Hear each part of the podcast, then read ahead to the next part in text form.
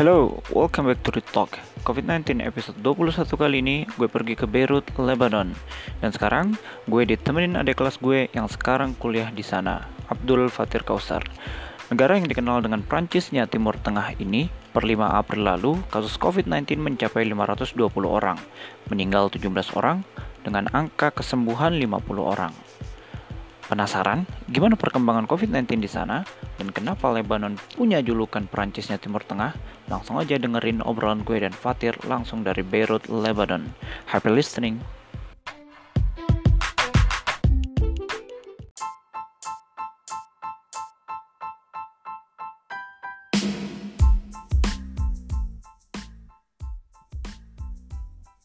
Halo, Assalamualaikum. Abdul Fatir Kausar. Gimana Ter kabarnya? Alhamdulillah khair. Baik, baik nih, alhamdulillah. Ya, oke. Uh, uh, masih di rumah aja atau aktivitas masih tetap berjalan seperti biasa di sana? Iya, sekarang kita udah berapa minggu ini di apa asrama aja ini karena okay. lockdown juga. Oke Tir, sebelum cerita banyak, welcome to my podcast, Read Talk. Uh, teman-teman, kali ini gue terbang ke Lebanon uh, dan gue ditemenin oleh salah satu adik tingkat gue di Gontor, yaitu Abdul Fatir Kausar. Tir, boleh kenalin dong uh, ke audiens. Kenalkan nama saya Abdul Fatir Kausar. Sekarang sedang melanjutkan studi S1 di Beirut Islamic University Fakultas Syariah, tepatnya di Libanon. Ya kira-kira di sini udah tinggal selama hampir empat tahun ya. Hmm. Gitu. Udah lumayan lah empat tahun ter. Udah semester akhir berarti. Iya betul, Insya Allah semester terakhir ini. Oke, uh, Tir, COVID-19, uh, bicara angka dulu deh kita. Kira-kira berapa sih uh, jumlah pasien yang uh, sorry jumlah orang yang positif COVID-19 di Lebanon dan berapa jumlah orang yang meninggal dunia karena COVID-19 ini? Oh, Oke siap. Bicara mengenai COVID-19 ya, hingga hari ini di Lebanon sendiri uh, kasus yang terkena COVID-19 sudah mencapai 520 orang ya hmm. dan yang meninggal itu sekitar 17 orang yang udah meninggal dan yang sembuh udah 50 orang oke jadi masih kalau dibandingkan dengan negara-negara lain di Timur Tengah masih belum terlalu banyak lah ya Iya sih, kalau misalkan dibanding negara Timur Tengah, Tengah yang lain emang belum terlalu banyak ya. Uh. Cuman populasi Libanon sendiri itu kan dikit ya, cuman 5 juta. Oke. Okay jadi menurut Ane kalau hmm. misalkan 5 juta itu yang terkena 500 udah lumayan banyak juga sih oke okay. ya yeah, artinya persentasenya juga lumayan lah ya uh, dan hmm. kematiannya berapa tadi 50 50 yang sembuh yang mati oh, sorry. itu sudah 17 oh mbak oke okay, 17 oh I see so uh, selama ini eh, gimana perkembangan COVID-19 di sana? Dalam arti, apakah ini kurvanya meningkat terus dari hari ke hari, mulai pertama kali masuk di sana, atau justru menurun? Hmm, kalau dibandingkan peningkatan kurva sih seminggu ini uh, peningkatannya sangat pesat ya. Jadi dalam seminggu ini dari jumlah yang terkena itu 400, sekarang udah mencapai 500 Okay. Jadi minggu ini tuh minggu yang tercepat gitu peningkatan kurva uh, COVID-19-nya gitu daripada oh. hari-hari sebelumnya. Oke, okay, daripada minggu-minggu sebelumnya ya. Mm-hmm. Oke. Okay. Memang kalau boleh tahu kebijakan apa aja Tir yang diambil pemerintah Lebanon uh, khususnya terkait penanganan COVID-19 ini? Ah iya, kebijakan pemerintah Lebanon sih banyak ya yang diambil uh, terlebih ketika mulai banyak tersebar di seluruh hampir uh, kota atau provinsi di Libanon. Kecuali di provinsi tempat aneh tinggal ini itu belum ada satupun alhamdulillah yang terkena. Tapi dari sembilan provinsi yang ada di Libanon semuanya titik udah merah semua gitu, kecuali di provinsi tempat Ane tinggal ini. Nah dari situ akhirnya pemerintah Libanon uh, untuk menangani COVID-19 ini salah satunya melockdown seluruh bandara, kemudian juga tempat-tempat umum uh, seperti sekolah, terus tempat ibadah ya kan, hmm. bar juga dan tempat-tempat umum lainnya okay. itu salah satu kebijakannya yang di apa namanya siapkan pemerintah untuk menangani COVID-19 terus juga yang kedua uh, mungkin patroli ya mengadakan patroli hmm? di setiap titik-titik perbatasan antar kota dan provinsi. Oke. Okay. Jadi ada apa namanya kayak polisi terus atau hmm. uh, eh, TNI ya kalau di Indonesia itu jadi tentara dikerahkan untuk menjaga di setiap titik kota atau provinsi supaya orang-orang itu yang keluar rumah yang gak stay home hmm. itu kena denda nantinya kalau emang nggak benar-benar darurat ya. keluar rumah. Ya karena kan sekolah ditutup. Hmm. ya kan? Terus tempat-tempat perkumpulannya ditutup. Jadi kebijakannya seperti itu. Kalau terus juga kalau pasar-pasar dibuka nggak ya nah kecuali pasar-pasar nih supermarket ya kan? Hmm. terus restoran-restoran itu masih boleh lah buka. Tapi itu juga dibatesin gitu waktunya. Oh. Uh, oke. Okay. terus tadi buka ya boleh buka kalau pasar-pasar itu supermarket cuman sampai sekitar jam 5 lah. 5 oh. sore gitu kan. Dari pagi jam 9 sampai jam 5 sore. Hmm. setelah itu udah nggak boleh lagi. Tutup harus udah tutup. Artinya kalau kita lihat kebijakannya uh, bukan lockdown total ya tapi memang uh, lockdown di beberapa titik khususnya eh, tempat-tempat uh, yang apa biasa memicu keramaian orang gitu kan ya iya. adapun tempat-tempat uh, yang untuk kebutuhan harian pasar-pasar dan lain sebagainya itu tetap dibuka karena kan iya, kebutuhan orang dan lain sebagainya. Kira-kira apa lagi tir kebijakan yang unik nih yang ada di uh, Lebanon yang mungkin nggak ada di Indonesia gitu loh? Kebijakannya juga yang lain? Iya bisa kebijakan atau hal-hal yang unik lainnya. Oh iya, ini juga kemarin uh, baru diberlakukan berapa hari yang lalu juga. Ini jadi angkutan umum juga nggak boleh beroperasi. Okay. Angkutan-angkutan umum ke apalagi yang jalannya jauh ya antar provinsi gitu nggak boleh kecuali taksi taksi pengecualian tuh boleh masih beroperasi ya uh. itu pun harus jelas gitu maksudnya ada izinnya taksi resmi kadang kan ada taksi yang uh, nggak resmi kan yang nggak legal gitu ini taksi yang udah legal dan udah dapat rekomendasi dari apa menteri dalam negerinya gitu mm -mm. Oh itu yang boleh beroperasi gitu ya? Mm -mm. Oke. Iya. Terus berarti memang uh, nanti selama ini ini ya sekolah gimana uh, kuliah online? Nah iya. Untuk kuliah sih kita semuanya ya rata-rata di sini ngezoom online. Oke zoom ya. Karena emang nggak boleh. Iya.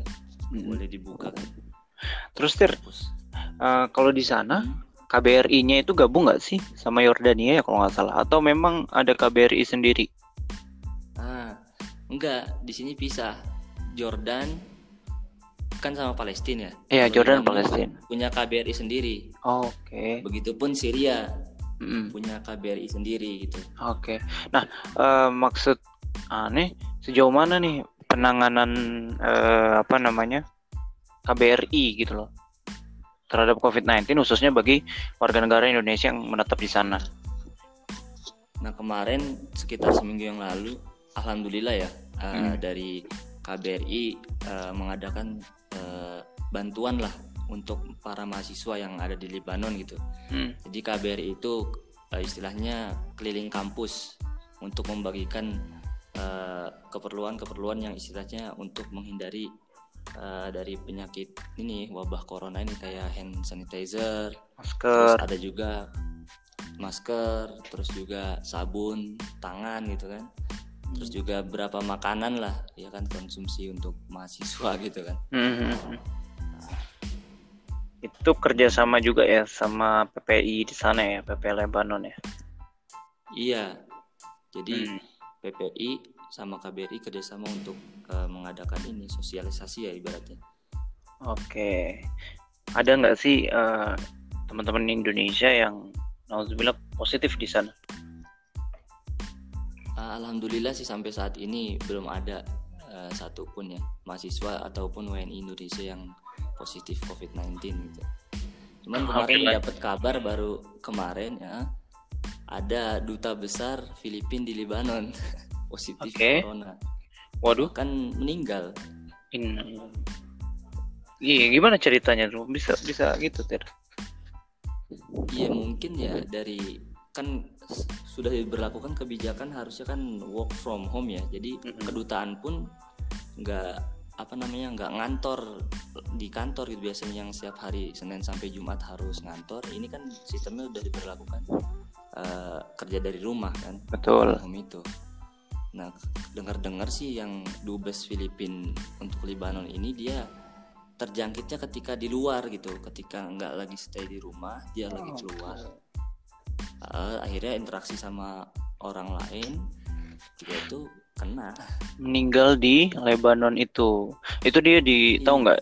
Tahu nggak dia dibawa ke Filipina atau stay di apa dimakamkan di Lebanon? Oh sejauh ini sih kabarnya masih belum dengar lagi Oke, apakah iya. pemakamannya dibawa Ah, karena karena menarik ke tuh. Filipina. kedubes kedubes Filipin kena kasus COVID kemudian meninggal di eh, Lebanon. Bener kaget juga kemarin kita pas baca kan. Wah ini baru kemarin ini baru kemarin aja gitu kan. Oke. Kok bisa dubes Filipin bisa kena dan meninggal gitu kan. Hmm. Kira-kira eh, ada lagi nggak yang hal apa yang mau lo ceritain ke kita nih? Ah, jadi mungkin ya kalau misalkan Mm. Libanon ini kan terkenal emang dia negara kecil tapi terkenal Parisnya Timur Tengah gitu. Rit. Mm-mm. Ah, jadi ah, dari penduduk Libanon ini mungkin penduduknya yang tinggal di Libanon asli Libanon cuma 5 juta. Oke. Tapi Libanon ini aslinya banyak diaspora yang tinggal di luar Libanon itu lebih banyak dari penduduk yang tinggal di negaranya. Oh, Jadi sekitar ada 11 atau 11 juta atau 19 juta gitu yang tinggal di luar Libanon. Hmm, Jadi Keren. mereka boleh boleh memiliki dua keluarga negaraan. I see. Dan itu hal wajar gitu ya. Dan memang nggak iya. nggak dibatasi oleh pemerintah. I see. Itu sebabnya karena kenapa apa namanya penduduk asli Libanon banyak yang di luar negeri ke Eropa Mm-mm. atau ke Brazil, Mm. ke Amerika gitu kan. Karena dulu ceritanya ketika tahun 70 80-an kan ada perang saudara tuh di Libanon kan. Mm-mm. Ah, ah, akhirnya menyebabkan ah, apa namanya penduduk Lebanon itu sendiri ah, inilah ini apa namanya hijrah gitu ya atau Mm-mm. eh, migrasi ke negara-negara lain Eropa dan lain sebagainya gitu kan Oke. makanya bisa disebut Lebanon ini Parisnya Timur Tengah karena satu ada yang bilang eh, banyak orang-orang Lebanon nikah sama orang-orang Eropa gitu kan Mm-mm. semenjak itu. Terus kedua, Libanon juga istilahnya negara Arab, tapi dia nggak kayak negara Arab gitu loh. Betul. Modern banget, sekuler Modern. banget gitu. Populer, iya. Ya kalau kalau kita lihat culture-nya pun juga kok nggak nggak kayak orang-orang Timur Tengah biasanya gitu kan. Ya Ah, di ah, juga penuh dan lain sebagainya lain sebagainya. Oke oke. Heeh. Ya, benar, Prancisnya Timur Tengah. betul betul. Oke Tir, thank you banget nih all information. Eh, insya Allah teman-teman juga dengerin gimana perkembangan kabar COVID-19 di sana. Dan alhamdulillahnya tadi nggak ada yang positif ya dari teman-teman Indonesia. Oke Tir, kira-kira Iya. ada pesan nggak nih buat teman-teman para pendengar? Eh, barangkali apa gitu untuk bagaimana menyikapi COVID-19 atau hal-hal lainnya? Silakan. Siap. Ya, mungkin pesan dari saya pribadi ya untuk pendengar setia Retalk ini ya yang udah mengudara di mana-mana ya pendengarnya. Aduh, kacau loh. Ya, gimana? gimana? Ya. Jadi yang pertama mungkin pesan eh, saya sendiri pribadi tetap jaga kesehatan dan kebersihan ya di mana pun kalian berada gitu. Mm-mm. Karena corona ini bisa menjakit siapa pun tanpa pandang bulu gitu kan iya itu satu. Uh, kemudian yang kedua juga uh, bagi teman-teman juga yang tinggal di mana pun agar mematuhi dan mengikuti arahan pemerintah ya setempat. Entah itu yang di Indonesia atau yang di luar negeri kan? Dan para tim ahli.